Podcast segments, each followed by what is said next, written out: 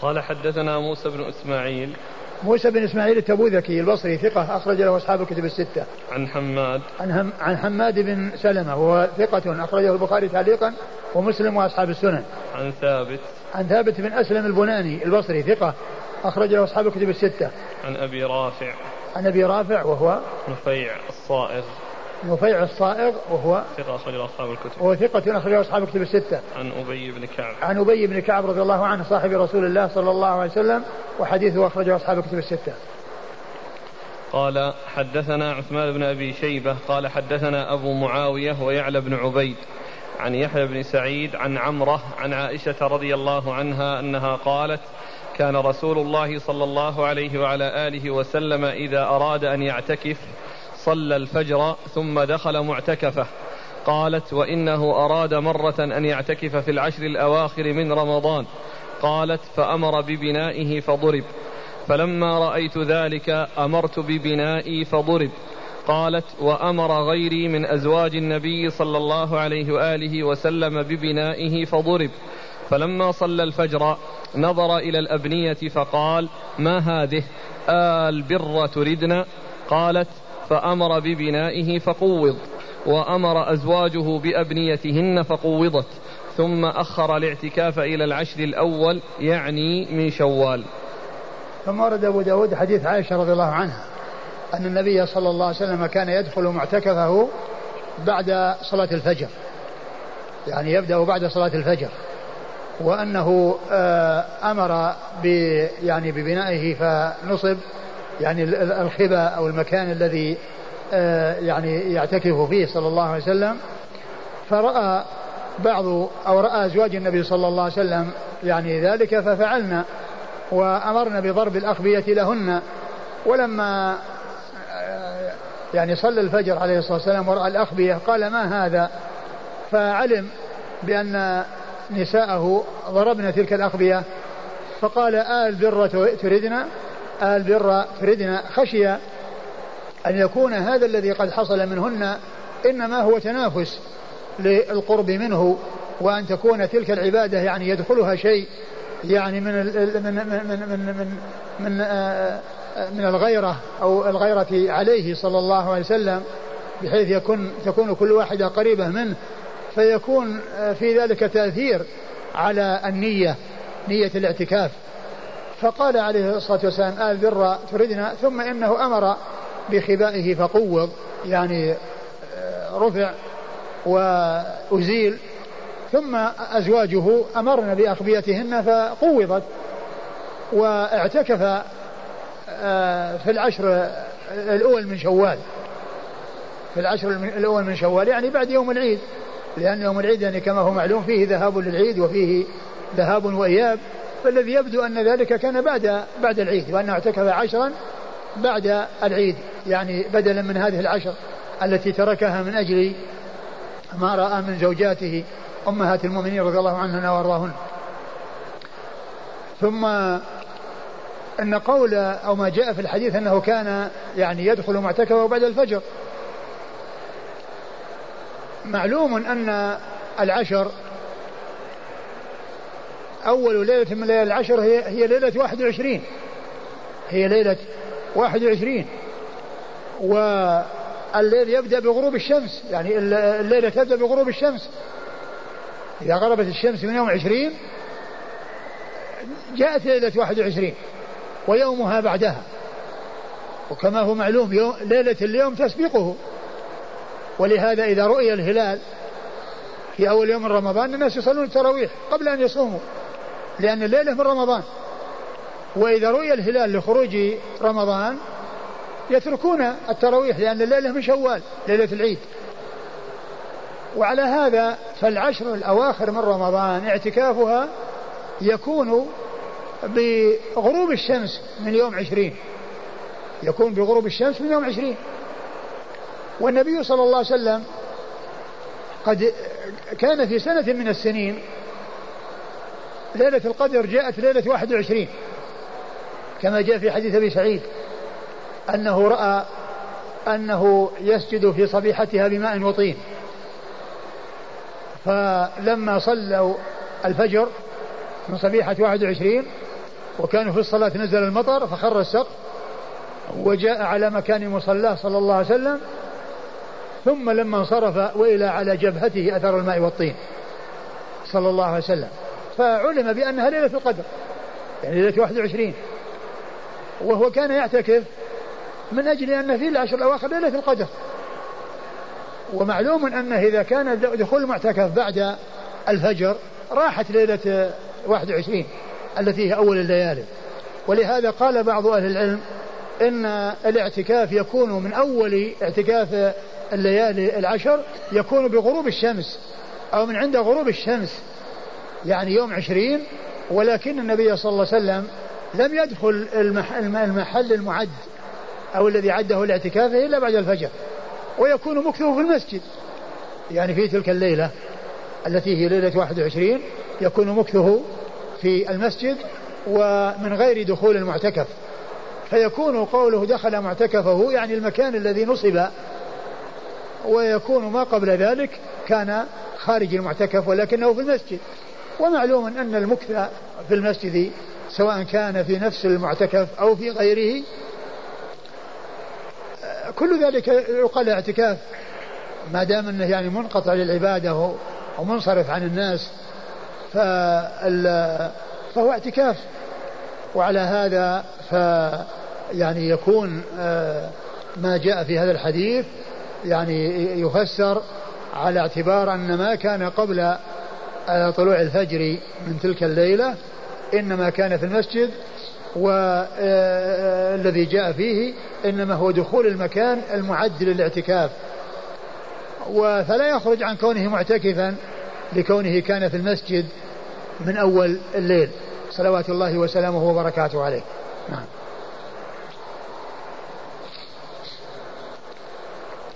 ثم أخر الاعتكاف إلى العشر الأول. قضاء؟ نعم قضاء. اي نعم يبدو له قضاء. يعني قضاء أو ان أو إن أدى لأنه يعني ما ما دخل في الاعتكاف. ما دخل في الاعتكاف. أو إنه دخل في الاعتكاف وقطعه. إذا كان الدخول الاعتكاف من الليل هو يعني آه، أمر بالتقويض بعد صلاة الفجر. فهو يعني إما قضاء لهذه هذا أو أنه أداء فعله في تلك الليالي. وترك ذلك خوفا على أمهات المؤمنين من أن يكون حصل عندهن شيء مما يؤثر في النية. وهل صام تلك الأيام في شوال؟ ما في شيء يدل على هذا. ما هناك شيء يدل على الصيام. أقول لا نعلم شيء يدل على الصيام. والصيام هل يكون الاعتكاف لا يكون إلا مع صيام؟ في خلاف بين أهل العلم. يعني سيأتي الإشارة إليه. قال حدثنا عثمان بن أبي شيبة. عثمان بن أبي شيبة ثقة أخرج أصحاب الكتب الستة إلا الترمذي وإلا النسائي فإخراجه له في عمل اليوم والليلة. عن أبي معاوية. عن أبي معاوية محمد بن خازم الضرير الكوفي ثقة أخرج له أصحاب الكتب الستة. ويعلى بن عبيد. ويعلى بن عبيد هو ثقة أخرج له أصحاب الكتب. أصحاب الكتب الستة. عن يحيى بن سعيد. عن يحيى بن سعيد عن من؟ عن عمرة. عن يحيى بن سعيد الأموي الأنصاري. يحيى بن سعيد الأنصاري المدني. ثقة أخرجه أصحاب كتب الستة. عن عمرة بنت عبد الرحمن الأنصارية المدنية وهي ثقة أخرج لها أصحاب الكتب الستة. عن عائشة وقد مر ذكرها. قال أبو داود رواه ابن إسحاق والأوزاعي عن يحيى بن سعيد نحوه ورواه مالك عن يحيى بن سعيد قال اعتكف عشرين من شوال.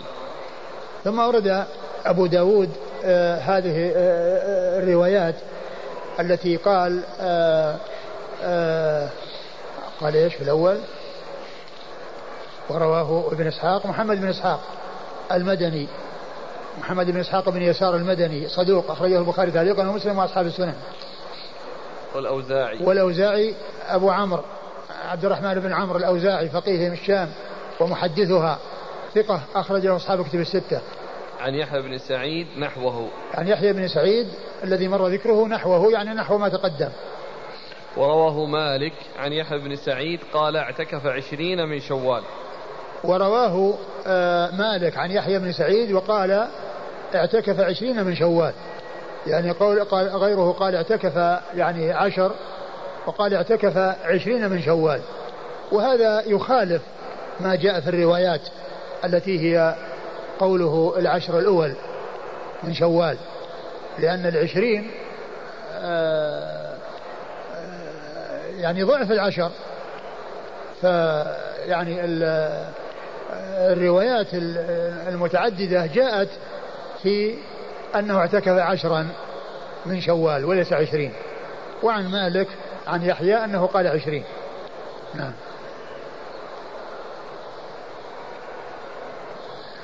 قال رحمه الله تعالى باب أين يكون الاعتكاف؟ قال حدثنا سليمان بن داود المهري قال أخبرنا ابن وهب عن يونس أن نافعا أخبره عن ابن عمر رضي الله عنهما أن النبي صلى الله عليه وآله وسلم كان يعتكف العشر الأواخر من رمضان. قال نافع وقد أراني عبد الله المكان الذي كان يعتكف فيه رسول الله صلى الله عليه وآله وسلم في المسجد. ثم ورد أبو داود قال أين يكون الاعتكاف؟ والإعتكاف يكون في المساجد لا يكون في البيوت. ولا يكون في غيرها وإنما يكون في المساجد. لكن أي المساجد يكون فيها الاعتكاف؟ من العلماء من قال إنه يعتكف في أي مسجد جامع يصلى فيه. يعني يجمع يعني يصلى فيه صلاة الجماعة. وإذا جاء يوم الجمعة يخرج إلى المسجد الذي يجمع فيه. ومنهم من قال إنه يصلي يعتكف في مسجد فيه جمعة. وجماعة حتى لا يحتاج إلى أن يخرج إلى الجمعة. ومن العلماء من قال إن الاعتكاف إنما يكون في المساجد الثلاثة التي هي المسجد الحرام والمسجد النبوي والمسجد الأقصى. ومنهم من قال إنه يكون في المسجدين فقط وهما المسجد الحرام والمسجد النبوي. ولكن آآ آه، آآ آه، كونه يعني يكون في المساجد الذي يبدو أنه يكون في أي المساجد ما دام مسجد يصلى فيه جماعة فإنه يصلى فيه. وإذا كان الإنسان يحتاج إلى أن يصلي يعتكف في مسجد لا جمعة فيه فخروجه إلى الجمعة لا بأس به ولا يؤثر ولا مانع منه. وإن اعتكف في مسجد فيه جمعة وجماعة فهو الأولى. لكن لا يكون ذلك مقتصرا على ما على المساجد الثلاثة أو على مسجدين منها لأن الله عز وجل قال ولا تباشرون وأنتم عاكفون في المساجد. وهذا يعني لفظ عام. ثم ما جاء في بعض الأحاديث أنه لا اعتكاف إلا في المساجد الثلاثة يعني يحمل على أن المقصود الاعتكاف الكامل. يعني لا اعتكاف كاملا يعني مثل الاعتكاف في المساجد. لا أنه لا يجوز أن يعتكف في غيرها. لا أنه لا يجوز أن يعتكف في غيرها. نعم. قال نافع وقد أراني عبد الله المكان الذي كان يعتكف فيه رسول الله صلى الله عليه وسلم في المسجد. قال نافع وقد أراني عبد الله المكان الذي كان يعتكف فيه رسول الله صلى الله عليه وسلم المكان الذي كان يضرب فيه الخباء له صلى الله عليه وسلم. نعم. قال حدثنا سليمان بن داود المهري. سليمان بن داود المهري ثقة أخرجه أبو داود والنسائي. عن ابن وهب. عن ابن وهب عبد الله بن وهب المصري ثقة أخرج له أصحاب كتب الستة. عن يونس. عن يونس بن يزيد الأيلي ثقة أخرج له أصحاب كتب الستة. عن نافع. نافع هو مولى بن عمر ثقة أخرج له أصحاب كتب الستة. عن ابن عمر. عن ابن عمر. نعم. عن ابن عمر آه، عبد الله بن عمر بن الخطاب رضي الله تعالى عنهما الصحابي الجليل أحد العبادلة الأربعة من أصحاب النبي صلى الله عليه وسلم وهم ابن عمر وابن وابن عمرو وابن عباس وابن الزبير. وهو أحد السبعة المعروفين أيضا بكثرة الحديث عن النبي صلى الله عليه وسلم. فيه دليل على أن المعتكف يتخذ مكان مكانا معينا. الآن مثلا بترة معينة يعني يكون دائما نومه وصلاته نعم نعم في دليل في دليل. نفس الحديث الذي مر الذي قال أمر بخبائه فضرب وأمر أزواجه بأخبيتهن فضربت وأنه دخل معتكفه يدل على هذا. قال حدثنا هناد عن أبي بكر عن أبي قال حدثنا هناد عن أبي بكر عن أبي حصين عن أبي صالح عن أبي هريرة رضي الله عنه أنه قال كان النبي صلى الله عليه وآله وسلم يعتكف كل رمضان عشرة أيام فلما كان العام الذي قبض فيه اعتكف عشرين يوما. ثم ورد أبو داود حديث أبي هريرة أن النبي صلى الله عليه وسلم كان يعتكف كل رمضان عشرة أيام. اللي في عشر الأواخر. فلما كان العام الذي قبض فيه العام الذي آخر آخر رمضان حصل له وهو رمضان الذي الذي الذي في السنة العاشرة. لأن النبي صلى الله عليه وسلم توفي في ربيع الأول من سنة 11 فآخر رمضان مر عليه صلى الله عليه وسلم هو الذي في السنة العاشرة. فاعتكف عشرين. عشرين يوما. يعني من رمضان. يعني العشر الأواخر والعشر الوسط. وذلك يعني فيه يعني زيادة في العمل وأيضا كان جبريل يدارسه القرآن في كل رمضان مرة وفي الع... وفي آخر رمضان درسه القرآن مرتين يعني فيكون في ذلك يعني آه، بالإضافة إلى زيادة. آه، آه، مدة الاعتكاف يعني هذا الذي يجري مع جبريل وهو مدرسة القرآن. وكان جبريل يدارسه القرآن في في كل رمضان يدارسه ما مضى. كل ما نزل قبل رمضان من أول ما بدأ الوحي إلى رمضان الذي الحاضر كان يدرس ما مضى. وفي العام الأخير درسه مرتين. فكان جلوسه فيه عشرين أو اعتكافه عشرين ليلة يعني آه، فيه تمكين من هذا الاستمرار في المسجد. ومدارسة جبريل للرسول صلى الله عليه وسلم. نعم. قال حدثنا هناد. هناد بن السري أبو السري ثقة أخرج حديث البخاري في خلق أفعال العباد ومسلم وأصحاب السنن. عن أبي بكر. عن أبي بكر بن عياش وهو صدوق. ثقة أخرج أصحاب الكتب. وهو ثقة ثقة. أخرج أصحاب الكتب. ثقة أخرج أصحاب الكتب الستة نعم. عن أبي حصين عن أبي حصين وهو عثمان بن عاصم نعم عثمان بن عاصم ثقة أخرجه أصحاب الكتب الستة عن أبي صالح عن أبي صالح ذكوان السمان ثقة أخرجه أصحاب الكتب الستة. عن أبي هريرة. عن أبي هريرة عبد الرحمن بن صخر الدوسي صاحب رسول الله صلى الله عليه وسلم وأكثر أصحابه حديثا على الإطلاق رضي الله عنه وأرضاه. هل يجوز للمرأة أن تعتكف في بيتها أو في مسجد بيتها؟ ما في شيء يدل على هذا، ما نعلم دليلا، بعض أهل العلم قال به. لكن الاعتكاف معروف في المساجد والنساء كنا يعتكفن في المساجد مع رسول الله في مسجده معه صلى الله عليه وسلم. قال رحمه الله تعالى باب المعتكف يدخل البيت لحاجته قال حدثنا عبد الله بن مسلمة عن مالك عن ابن شهاب عن عروة بن الزبير عن عمرة بنت عبد الرحمن عن عائشة رضي الله عنها أنها قالت كان رسول الله صلى الله عليه وآله وسلم إذا اعتكف يدني إلي رأسه فأرجله. وكان لا لا يدخل البيت إلا لحاجة الإنسان. ثم ورد أبو داود باب المعتكف يدخل البيت لحاجته. حاجة الإنسان يعني قضاء الحاجة. يعني كونه سيقضي حاجته. ولا بد من الخروج المسجد من المسجد لقضاء الحاجة. فكان يخرج لبيته لقضاء الحاجة. والبيت بجوار المسجد. فكان يذهب لقضاء الحاجة ولا يذهب لغيرها. ولهذا لما احتاج إلى أن ترجل رأسه صلى الله عليه وسلم يعني أدخل رأسه يعني عليها فكانت ترجله وجسمه في المسجد. وجسمه في المسجد فدل على أن المعتكف إنما يخرج للأمر الذي لا بد منه. وهو الأمر آه، ما يدخل البيت إلا لأمر لا بد منه. كقضاء حاجته التي لا بد منها. أما الأمور الأخرى التي يعني هي من منها يعني غير ذلك فإنه لا لا يخرج لأجلها. ولهذا كان صلى الله عليه وسلم عندما يريد أن ترجل رأسه يدخل رأسه. وهذا يدل على أن وهي حائض لأنها كانت حائض. فيدخل رأسه عليها وهي في الحجرة فترجله. فهذا فيه دليل على أن أن المعتكف له أن يغتسل وأن يتنظف وله أن يرجل شعره وكذلك ملامسة الحائض له يعني عند الحاجة لأنها كانت ترجله وأن ذلك لا يؤثر. وكذلك أيضا أن يكون آه، من آه، نذر أن لا يدخل بيتا فأدخل رأسه لا يعتبر دخل. ويعتبر يعني آه، يمينه على ما هي عليه لأن إدخال الرأس لا يعتبر دخولا في البيت لأن الرسول صلى الله عليه وسلم كان معتكف كان معتكفا في المسجد وكان يخرج رأسه ولا يكون بذلك خارجا من المسجد وداخلا البيت. والرسول أدخل رأسه يدل على أن ذلك ليس دخولا للبيت وليس دخول آه، آه، دخولا للبيت لمثل هذه الحاجة لأن هذا ليس بدخول.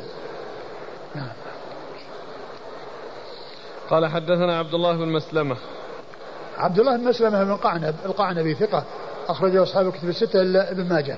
عن مالك. عن مالك بن أنس المحدث الفقيه أحد أصحاب المذاهب الأربعة المشهورة من مذاهب السنة وحديثه أخرجه أصحاب الكتب الستة.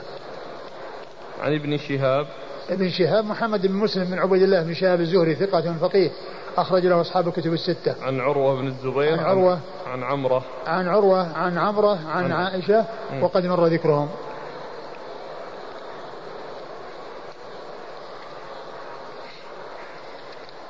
قال حدثنا قتيبة بن سعيد وعبد الله بن مسلمة قال حدثنا الليث عن ابن شهاب عن عروة وعمرة عن عائشة عن النبي صلى الله عليه وسلم نحوه ثم ورد الحديث من طريق أخرى وفيه أن ابن شهاب يروي عن عمرة وعن عن عروة وعمرة مع بعض.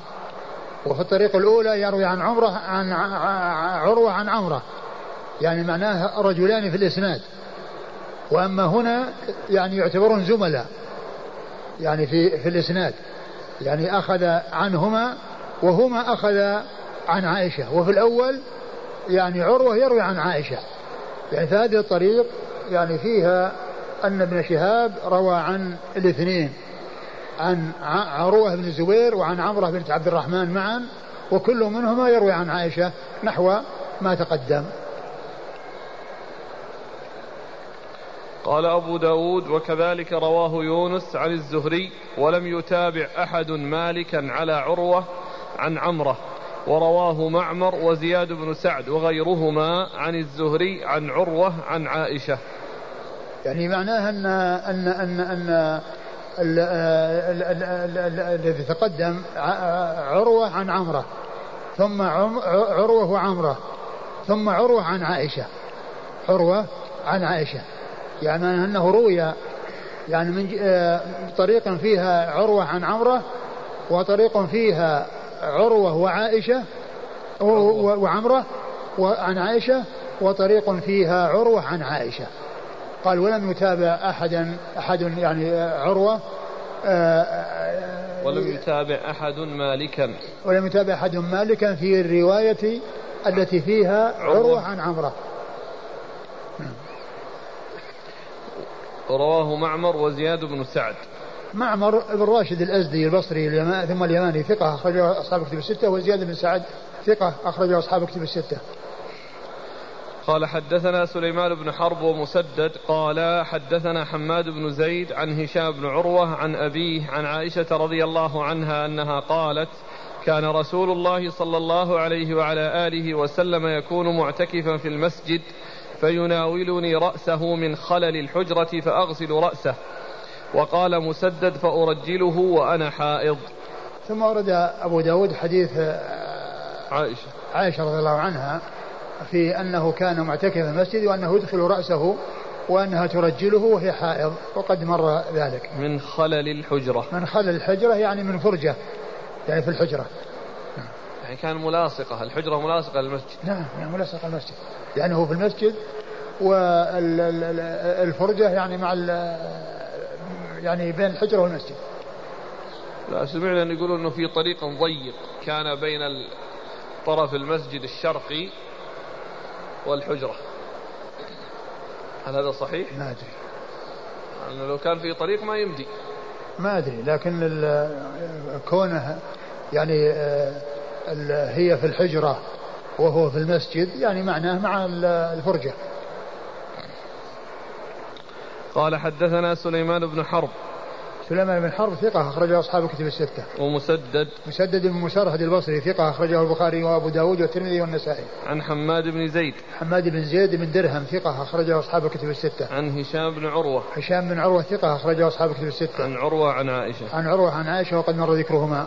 قال حدثنا أحمد بن شبوية المروزي قال حدثني عبد الرزاق قال أخبرنا معمر عن الزهري عن علي بن حسين عن صفية رضي الله عنها أنها قالت كان رسول الله صلى الله عليه وعلى آله وسلم معتكفا فأتيته أزوره ليلا فحدثته ثم قمت فانقلبت فقام معي ليقلبني وكان مسكنها في دار أسامة بن زيد رضي الله عنهما فمر رجلان من الأنصار فلما رأيا فلما رأيا النبي صلى الله عليه وآله وسلم أسرعا. فقال النبي صلى الله عليه وآله وسلم على رسلكما إنها صفية بنت حيي. قال سبحان الله يا رسول الله. قال إن الشيطان يجري من الإنسان مجرى الدم فخشيت أن يقذف في قلوبكما شيئا أو قال شرا. ثم ورد أبو داود حديث صفية بنت حيي رضي الله تعالى عنها أم المؤمنين أنها زارت النبي صلى الله عليه وسلم في معتكفه ليلا وأنها حدثته ولما أرادت الانصراف وأرادت الانقلاب وهو الرجوع قام معها ليقلبها يعني يرافقها في الذهاب إلى بيتها. فخرج معها و ومر رجلان من الأنصار. فلما رأى, رأي النبي صلى الله عليه وسلم أسرع. فالنبي صلى الله عليه وسلم قال على رسلكما إنها صفية بنت حيي يعني زوجته. فقال سبحان الله يا رسول الله. سبحان الله يا رسول الله. قال إن ابن إن الشيطان يجري من ابن آدم مجرى الدم وإني خشيت أن يقذف في قلوبكما شيئا أو شرا. فهذا فيه دليل على أن المعتكف يعني تزوره أو يزوره أهله في المسجد وأنهم يحدثونه ويحدثهم وأن للمعتكف أن يعني يرافقهم في في الخروج من المسجد والذهاب معهم إلى البيت وإيصالهم البيت وأنه آه، لا بأس بذلك ولا يؤثر على الاعتكاف. و آه، وفيه أن النبي صلى الله عليه وسلم يعني بين أن هذه المرأة أنها زوجته وأنها صفية وأراد بذلك أن لا يقع في قلوب هؤلاء الصحابيين يعني شيء يكون سببا في هلاكهما وأن يقع في في نفوسهما شيء يعني اتهام الرسول صلى الله عليه وسلم فبادر عليه الصلاة والسلام إلى أن يقول لهم ما قال وقال هما قال سبحان الله يعني يتعجبون يعني من أنهم ما ما أراد سوءا وما يعني وقع في نفوسهما شيء ولكن النبي صلى الله عليه وسلم قال ذلك خشية أن يحصل لهما شيء من ذلك. نعم. قال حدثنا أحمد بن شبوية المروزي. أحمد بن شبوية هو أحمد بن محمد بن ثابت المروزي وهو ثقة أخرجه أبو داود. عن عبد الرزاق. عبد الرزاق بن همام الصنعاني اليماني ثقة أخرجه أصحاب كتب الستة. عن معمر عن الزهري. معمر والزهري مر ذكرهما. عن علي بن حسين. علي بن حسين ابن علي بن أبي طالب وهو ثقة أخرجه أصحاب كتب الستة. عن صفية. عن صفية بنت حيي ابن أخطب رضي الله عنها وأرضاها أم المؤمنين وحديثها أخرجه أصحاب كتب الستة. قال حدثنا محمد بن يحيى بن فارس قال حدثنا أبو اليمان قال أخبرنا شعيب عن الزهري بإسناده بهذا قالت حتى إذا كان عند باب المسجد الذي عند باب أم سلمة رضي الله عنها مر بهما رجلان وساق معناه. أه ثم أورد الحديث من طريق أخرى وأشار إلى المكان الذي حصل فيه مرور الرجلين. وأنه كان عند باب المسجد الذي عند باب أم سلمة. ثم قال وساق بمعنى يعني معنى ما تقدم في الرواية السابقة. قال حدثنا محمد بن يحيى بن فارس. محمد بن يحيى بن فارس الذهلي ثقة أخرج له البخاري وأصحاب السنن. عن أبي اليمان. أبي اليمان الحكم بن, الحكم بن نافع ثقة. أخرج له أصحاب الكتب الستة. عن شعيب. شعيب بن أبي حمزة ثقة أخرج أصحاب الكتب الستة. عن الزهري. عن الزهري مر ذكره. قال رحمه الله تعالى باب المعتكف يعود المريض. قال حدثنا عبد الله بن محمد النفيلي ومحمد بن عيسى. قال حدثنا عبد السلام بن حرب. قال أخبرنا الليث بن أبي سليم عن عبد الرحمن بن القاسم عن أبيه عن عائشة رضي الله عنها. قال النفيلي قالت كان النبي صلى الله عليه وآله وسلم يمر بالمريض وهو معتكف فيمر كما هو ولا يعرج ولا يعرج يسأل عنه. وقال ابن عيسى قالت إن كان النبي صلى الله عليه وآله وسلم يعود المريض وهو معتكف. ثم أورد أبو داود آه، ترجمة باب عيادة باب المعتكف. باب المعتكف يعود المريض. المعتكف لا يخرج لعيادة المريض. ولكنه إذا يعني مر به وذهب لحاجته أو لأمر لا بد منه ثم مر به فإنه يسأل عنه. أما كونه يعني يذهب إليه فهو لا يعود المريض ولا يتبع الجنازة. لا يعود المريض ولا يتبع الجنازة. لأنه إذا كان يعود المريض ويتبع الجنازة يعني يصير آه، كأنه غير معتكف. لأن الأعمال التي يعملها غير معتكف آه، يشاركه فيها. ف ولكنه إذا صار آه، في طريقة ومن غير أن يقصده ومن غير أن يذهب من أجله فإنه لا بأس بذلك. يمكن يسأل عن حاجته وهو مار. أما كونه يذهب خصيصا من أجل العيادة فهذا لم يثبت. والحديث الذي ورد فيه ليث بن أبي سليم ويعني وهو يعني لا يحتج به.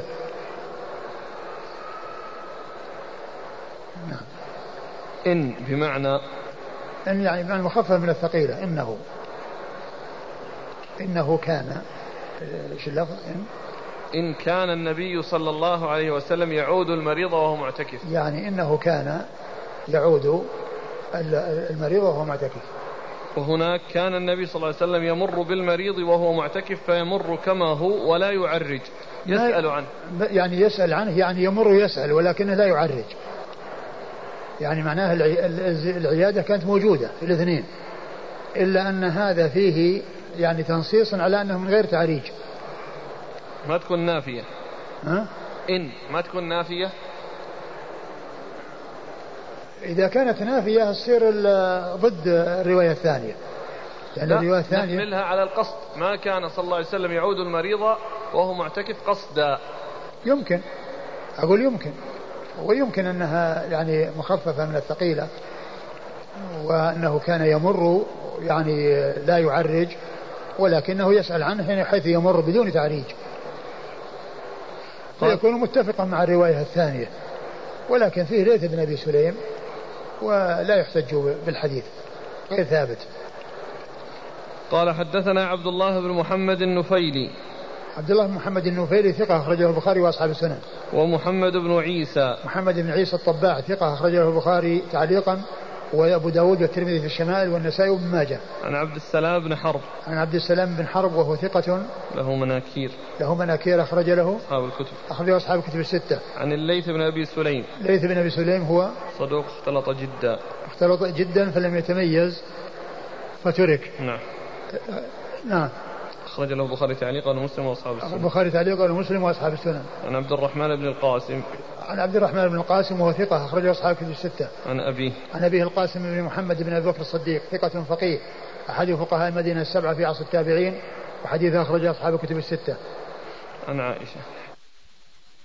بن بقية قال أخبرنا خالد عن عبد الرحمن يعني بن إسحاق عن الزهري عن عروة عن عائشة رضي الله عنها أنها قالت السنة على المعتكف ألا يعود مريضا ولا يشهد جنازة ولا يمس امرأة ولا يباشرها ولا يخرج لحاجة إلا لما لا بد منه ولا اعتكاف إلا بصوم ولا اعتكاف إلا في مسجد جامع. ثم ورد أبو داود حديث عائشة أنها قالت من السنة من السنة, السنة على المعتكف. من السنة على المعتكف أن لا يعود مريضا ولا يشهد جنازة. أن لا يعود مريضا يعني قصدا. وأما إذا مر به وسأل عنه فهذا لا بأس به. أن لا يعود مريضا ولا يشهد جنازة. و ولا يمس امرأة. ولا يمس امرأة. يعني لا يباشرها ولا يجامعها. لا مباشرة ولا مجامعة. كل ذلك لا يجوز. لا الجماع ولا المباشرة. وقد جاء في القرآن ولا تباشروهن وأنتم عاكفون في المساجد. ولا تباشروهن وأنتم عاكفون في المساجد. ولا يمس امرأة ولا يباشرها. نعم ولا يمس امرأة ولا يباشرها يعني معنى ذلك أنها المباشرة والجماع. المسيس؟ يعني المسيس يعني آه، يراد به الجماع والمباشرة يراد بها ال ال ال ال آه، التقاء البشرتين بتلذذ. وأما إذا كان آه، حصل بدون ذلك. فقد مر في حديث عائشة أنها كانت ترجل شعره صلى الله عليه وسلم وتمسه وكانت حائض. ولا يخرج لحاجة إلا لما لا بد منه. ولا يخرج لحاجة إلا لما لا بد منه. ولا يخرج لحاجة إلا لما لا بد منه يعني قضاء الحاجة. كونه يعني يخرج لحاجته فيقضيها ويتوضأ. ثم يرجع إلى المسجد لأن هذا لا يكون إلا في خارج المسجد. الطعام. والطعام يؤتى به إليه. أقول الطعام يؤتى به إليه ويأكله في المسجد. ولا اعتكاف إلا بصوم. ولا اعتكاف إلا بصوم. يعني معناه أن الصيام آه يكون آه الاعتكاف, الاعتكاف يكون معه صوم وأنه لا يكون بدون صوم. وهذا آه قيل إذا كان محتمل أن يكون يعني مرفوعا وأن يكون آه، يعني ذلك عن رسول الله صلى الله عليه وسلم وعلى هذا يكون الصيام مع الاعتكاف وأن الاعتكاف لا يكون بالصيام ويحتمل أن يكون يعني منها إفتاء بما تفهمه من الشرع وعلى هذا يكون النظر فيما جاء عنها وجاء عن غيرها من الصحابة. رضي الله تعالى عنهم وأرضاهم والعلماء اختلفوا في هذا. منهم من قال باعتبار الصوم وأنه لا يكون الصيام الاعتكاف إلا بصوم ومنهم من قال يكون بدون صوم. كما أنه يكون يعني في في ليلة من الليالي والليل ليس ليس فيه صيام. والليل ليس فيه صيام. وقد سبق أن مر في حديث آه، آه، عائشة الذي كان اعتكف العشر الأول من شوال وليس فيه ذكر الصيام. أقول ليس فيه ذكر الصيام. وهذا يعني لو كان مرفوعا أو إذا كان مرفوعا فالأمر واضح في ذلك. ولكنه ليس ولكنه محتمل لأنه جاء من بعض الطرق أنه آه أنه ليس فيه من السنة. وكلمة من السنة طبعا تضاف إلى الرسول صلى الله عليه وسلم. وبدونها يعني معناه يصير من كلامها. ومن اجتهادها رضي الله تعالى عنها وأرضاها. ولكن لا شك كون الإنسان يعني يصوم وأنه إذا كان اعتكافه آه، يكون في آه، ليس خاصا في الليل بأن يكون يعني أكثر من ليلة ومعه نهار فينبغي أن يكون بصيام. يعني أحوط ودفعا للاحتمال والاشتباه. ووجود شرط الصوم ما هناك دليل واضح يدل عليه. إلا هذا الحديث والحديث محتمل بأن يكون مرفوعا وأن يكون غير مرفوع.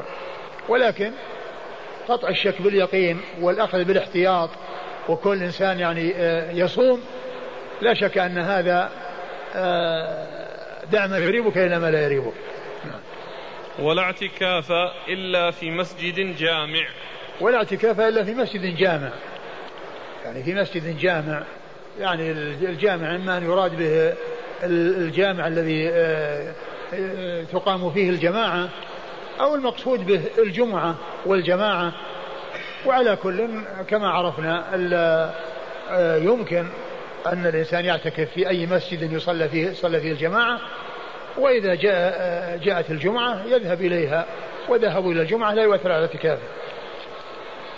قال حدثنا وهب بن بقية وهب بن بقية الواسطي وهو ثقة أخرجه أبو داود النسائي ومسلم مسلم وأبو داود النسائي عن خالد عن خالد بن عبد الله الطحان الواسطي ثقة أخرج له أصحاب الكتب الستة. عن عبد الرحمن يعني بن إسحاق. عن عبد الرحمن يعني بن إسحاق وهو صدوق خرج البخاري في الأدب المفرد ومسلم وأصحاب السنن. صدوق خرجه البخاري في الأدب المفرد ومسلم وأصحاب السنن.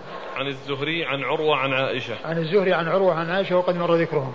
قال أبو داود غير عبد الرحمن لا يقول فيه قالت السنة. قال أبو داود قال غير عبد الرحمن لا يقول فيه قالت السنة أو من السنة.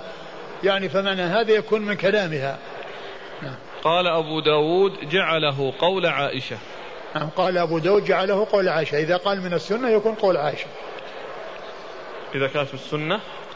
إذا كان ما في ذكر السنة يكون قول عائشة.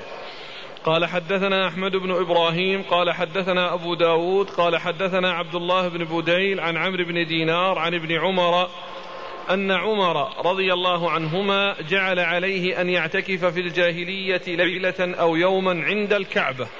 فسأل النبي صلى الله عليه وآله وسلم فقال اعتكف وصم. ثم ورد أبو داود آه، آه، حديث عمر رضي الله عنه أنه اعتكف في الجاهلية أن آه، نذر في الجاهلية أن يعتكف ليلة أو يوما في المسجد الحرام. فقال له النبي صلى الله عليه وسلم اعتكف وصم. اعتكف وصم. وفي هذا دليل على أن النذر يعني الذي هو قربة ويصح أن يتقرب به الله عز وجل وهو في الجاهلية أن الإنسان يفي به في الإسلام. بعدما يدخل في الإسلام فإنه يفي بنذره. وقد أرشد رسول الله صلى الله عليه وسلم عمر بن الخطاب إلى ذلك حيث أمره بأن يفي بنذره. وأما ما جاء في ذكر الصيام وجاء ذكر اليوم أو الليلة فالذي ثابت في الصحيحين هو ذكر الليلة. ذكر الليلة. ويحتمل أن تكون الليلة معها يوم. ومعلوم أنه أحيانا يذكر اليوم وتتبعه الليلة. وأحيانا يذكر اليوم وتتبعه يذكر تذكر الليلة ويتبعها اليوم أو يذكر اليوم وتتبعه الليلة. والذي هو ثابت ذكر الليلة. وأما ما جاء من ذكر الصوم وأنه يعني مأمور بالصيام فهذا من جاء من, جاء في من هذه الطريق التي هي ليست في الصحيحين وإنما هي عند أبي داود وفيها عبد الله بن بوديل اسمه نعم. عبد الله بن بوديل وفيه كلام. نعم. قال حدثنا أحمد بن إبراهيم. أحمد بن إبراهيم الدورقي ثقة أخرج له. مسلم وأبو داود الترمذي وابن ماجه. مسلم وأبو داود الترمذي وابن ماجه. عن أبي داود. عن أبي داود وهو سليمان بن داود الطيالسي ثقة. أخرج له البخاري تعليقا ومسلم وأصحاب السنة. عن عبد الله بن بوديل. عن عبد الله بن بوديل وهو صدوق يخطئ أخرج البخاري تعليقا وأبو داود والنسائي. صدوق يخطئ أخرج البخاري تعليقا وأبو داود والنسائي. عن عمرو بن دينار. عن عمرو بن دينار وهو المكي ثقة أخرج له أصحاب الكتب الستة. عن ابن عمر. عن ابن عمر مر ذكره. عن عمر أمير المؤمنين فيه قال عن عمر أو أن عمر. أن عمر. نعم اسم مسند عبد الله بن عمر. قال حدثنا عبد الله بن عمر بن محمد بن أبان بن صالح القرشي. قال حدثنا عمرو بن محمد يعني العنقزي عن عبد الله بن بدين عن بإسناده نحوه قال فبينما هو معتكف إذ كبر الناس فقال ما هذا يا عبد الله؟ قال سبي هوازن أعتقهم النبي صلى الله عليه وآله وسلم. قال وتلك الجارية فأرسلها معهم. ثم ورد أبو داود الحديث من طريق أخرى وفيه أن أنه ذكر ما تقدم من ذكر الاعتكاف وأنه أنهم سمعوا يعني تكبيرا فقالوا ما هذا؟ قالوا هوازن أو سبي هوازن اعتق اعتق اعتق قال ما هذا؟ قال سبي هوازن اعتقهم النبي صلى الله عليه وسلم. سبع سب سبي هوازن اعتقهم النبي صلى الله عليه وسلم يعني انهم كبروا فرحا والتكبير يعني يكون عند الفرح وكان هذا يعني يحصل عند الصحابة وجاء في أحاديث الذي قال فيه النبي صلى الله عليه وسلم أرجو أن تكون ثلث الجنة فكبروا يعني فرحا وسرورا. وهذا يدل على أنه عندما يأتي شيء سار أنه يكون التكبير. ولا يكون التصفيق مثل ما يحصل في هذا الزمان عند كثير من الناس. قال وتلك الجارية. وتلك الجارية يعني هي منهم لأنها من سبي هوازن إذا تلحقهم في, في, في, في العتق. يعني كانت عند عمر؟ أي نعم كان عند عمر أو عند ابن عمر ما أدري. فأرسلها معهم. أرسلها معهم يعني عتقت. يعني حصل لها ما حصل لهم. مو بأوجه أن تكون بالأمر. وين؟ يعني يأمر يقول له فأرسلها معهم. ما أدري إذا كان أنها يحتمل أن يكون قال أرسلها أو يكون أرسلها. كل ذلك يعني. قال حدثنا عبد الله بن عمر بن محمد بن أبان بن صالح القرشي. وهو؟ صدوق أخرجه مسلم وأبو داود النسائي. صدوق أخرجه مسلم وأبو داود النسائي. قال حدثنا عمرو بن محمد يعني العنقري هكذا في النسخة. وفي الصحيح العنقزي. العنقزي.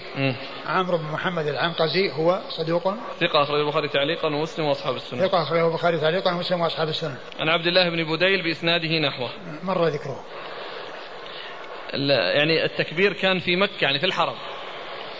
لأنه يقول فبينما هو معتكف. الضمير يعود على عمر. كان نعم. إذ كبر الناس. قال رحمه الله تعالى باب في المستحاضة تعتكف. قال حدثنا محمد بن عيسى وقتيبة بن سعيد قال حدثنا يزيد عن خالد عن عكرمة عن عائشة رضي الله عنها أنها قالت اعتكفت مع النبي صلى الله عليه وآله وسلم امرأة من أزواجه فكانت ترى الصفرة والحمرة فربما وضعنا الطست تحتها وهي تصلي. ثم الحديث الذي مر ذكره في باب عيادة المريض. المعتكف يعود المريض. يعود المريض. هذا ما ما يطابق الترجمة. ما يطابق الترجمة لأنه لا علاقة له في عيادة المريض وإنما هو في النذر والوفاء بالنذر والاعتكاف. يعني آه، إذا نذر اعتكافا فإنه يثيبه. فليس ما يطابق الترجمة التي عقدها أبو داود رحمه الله وجعل الحديث تحتها. فلا أدري ما وجهه. هل جاء تبعا أو أن فيه ترجمة؟ يعني سقطت. يعني في تتعلق بالنذر ويعني اعتكاف يعني نذر في حال الكفر. ثم بعد ذلك الوفاء به في الإسلام. المهم أنه لا يطابق الترجمة. ثم أورد أبو داود باب اعتكاف باب في المستحاضة تعتكف. باب في المستحاضة تعتكف. المستحاضة هي الذي يخرج منها الدم بصفة دائمة. بصفة دائمة. يكون معها الدم يخرج من فرجها وهو غير الحيض لأن الحيض يأتيها في أوقات معينة. فالمستحاضة يأتيها الحيض. وتكون مدته معينة فإذا يعني جاءت المدة تمسك عن عن الصلاة وعن الصيام. تمسك عن الصلاة وعن الصيام. فإذا خرجت آه، آه، مدته أو مضت مدته وكان ذلك يعرف بلونه أو بمعرفة وقته أو يعني آه، أنها تقدر يعني لها يعني أيام يعني معلومة يعني إذا كانت يعني ما تعرف الوقت والباقي يكون استحاضة. قالت عائشة رضي الله عنها اعتكفت مع النبي صلى الله عليه وآله وسلم امرأة من أزواجه فكانت ترى الصفرة والحمرة فربما وضعنا الطست تحتها وهي تصلي. ثم ورد أبو داود آه، المرأة تعتكف وهي مستحاضة أو في المستحاضة تعتكف. آه، المستحاضة كما هو معلوم آه، معها الدم باستمرار وذلك لا يمنع من صيامها ولا من صلاتها ولا من جماعها ولا من جميع الأعمال التي تكون يعني من الطاهرة التي هي غير حائض لأن هذا شيء لا علاقة لها به ولا يعامل معاملة الحيض فهي تصوم وتصلي وتعتكف وتقرأ القرآن من المصحف وكذلك يعني يجامعها زوجها. كل الأمور التي تكون من الطاهرات تكون معها أو تكون لها.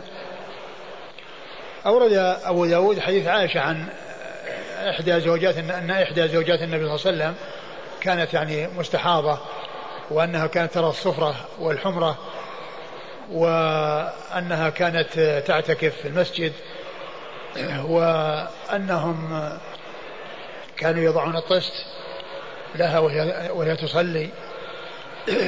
وقيل إن هذه المرأة هي أم سلمة رضي الله عنها. قيل إنها أم سلمة رضي الله تعالى عنها. ومثل المستحاضة من به حدث دائم كالذي معه سلس البول أو الذي يكون معه الريح التي تخرج باستمرار. يكون حكم حكم المستحاضة بمعنى أنه آه، يتوضأ عند دخول الوقت ولا يؤثر ما يحصل له بعد ذلك لأن هذا شيء خارج عن إرادته. والله تعالى يقول فاتقوا الله ما استطعتم. ويدل على دخول على الاعتكاف المستحاضة وعلى دخولها المسجد والمكث فيه ولكنها تعمل على يعني عدم تلويث المسجد وعدم تعريضه لأن يسقط عليه شيء من الدم. نعم. قال حدثنا محمد بن عيسى وقتيبة بن سعيد عن يزيد. محمد بن عيسى وقتيبة بن سعيد مر ذكرهما. وقتيبة ويزيد هو بن زريع ثقة أخرجه أصحاب كتب الستة. عن خالد. عن خالد بن مهران الحذاء وهو ثقة أخرجه أصحاب كتب الستة. عن عكرمة. عن عكرمة مولى بن عباس وهو ثقة أخرجه أصحاب الكتب الستة. عن عائشة. عن عائشة أم المؤمنين رضي الله عنها وقد مر ذكرها. والله تعالى أعلم وصلى الله وسلم وبارك على عبده ورسوله. نبينا محمد وعلى آله وأصحابه أجمعين. جزاكم الله خيرا وبارك الله فيكم ونفعنا الله بما قلتم. والحمد لله الذي بنعمته تتم الصالحات وأعاننا الله على التمام نسأل الله أن يوفقنا لإتمامه وإتمام غيره اللهم آمين ويطيل في عمركم على الطاعة قبل البارحة كنا في أسئلة ومر ذكر صفوان بن معطل في الدرس الماضي وقلنا هل هو معطل أو معطل؟ وقد رأيت الحافظ بن حجر في فتح الباري في شرح حديث الإفك في تفسير سورة النور من صحيح البخاري آه، في كتاب التفسير من صحيح البخاري قال إنه بفتح بفتح الطاء المشددة وهو معطل وليس معطل. وسبق أن مر يعني في الحديث أنه كان شديد الشهوة وأنه يعني يفطر امرأته ويمنعها من تطويل الصلاة لأنه يستمتع بها. وقد جاء في حديث الإفك أنه ما كشف كنف امرأة. وهذا يعني يعني معناه أنه كان ذلك قبل أن يتزوج. يعني في الوقت الذي كان يعني آه كانت آه أدرك عائشة وحصلها بعد أن ذهبوا عنها وأتى بها وأناخ البعير وأركبها عليه وجعل يقوده حتى وصل إليهم وبعد ذلك حصل ما حصل من الكلام في الإفك. و الرسول صلى الله عليه وسلم تأثر وتألم لما حصل وكان لا يعلم الحقيقة والواقع وكان يأتي إليها ويقول يا عائشة إن كنت ألممت بذنب فتوبي إلى الله واستغفري. ولو كان يعلم الغيب صلى الله عليه وسلم لعرف ذلك بمجرد يعني ما يعني آه يحصل.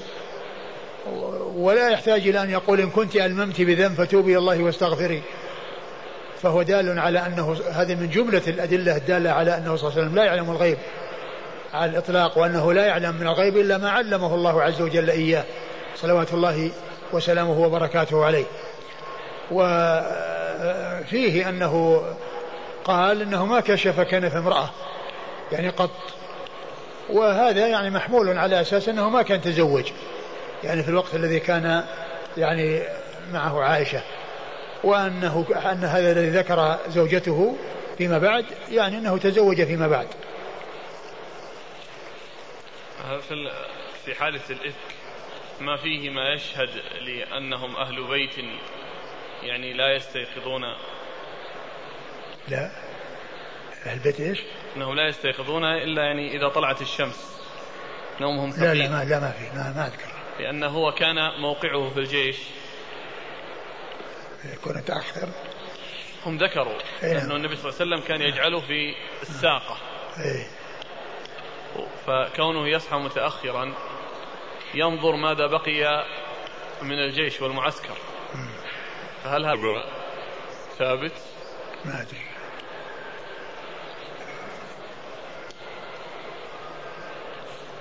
إن بدأنا بالسؤال.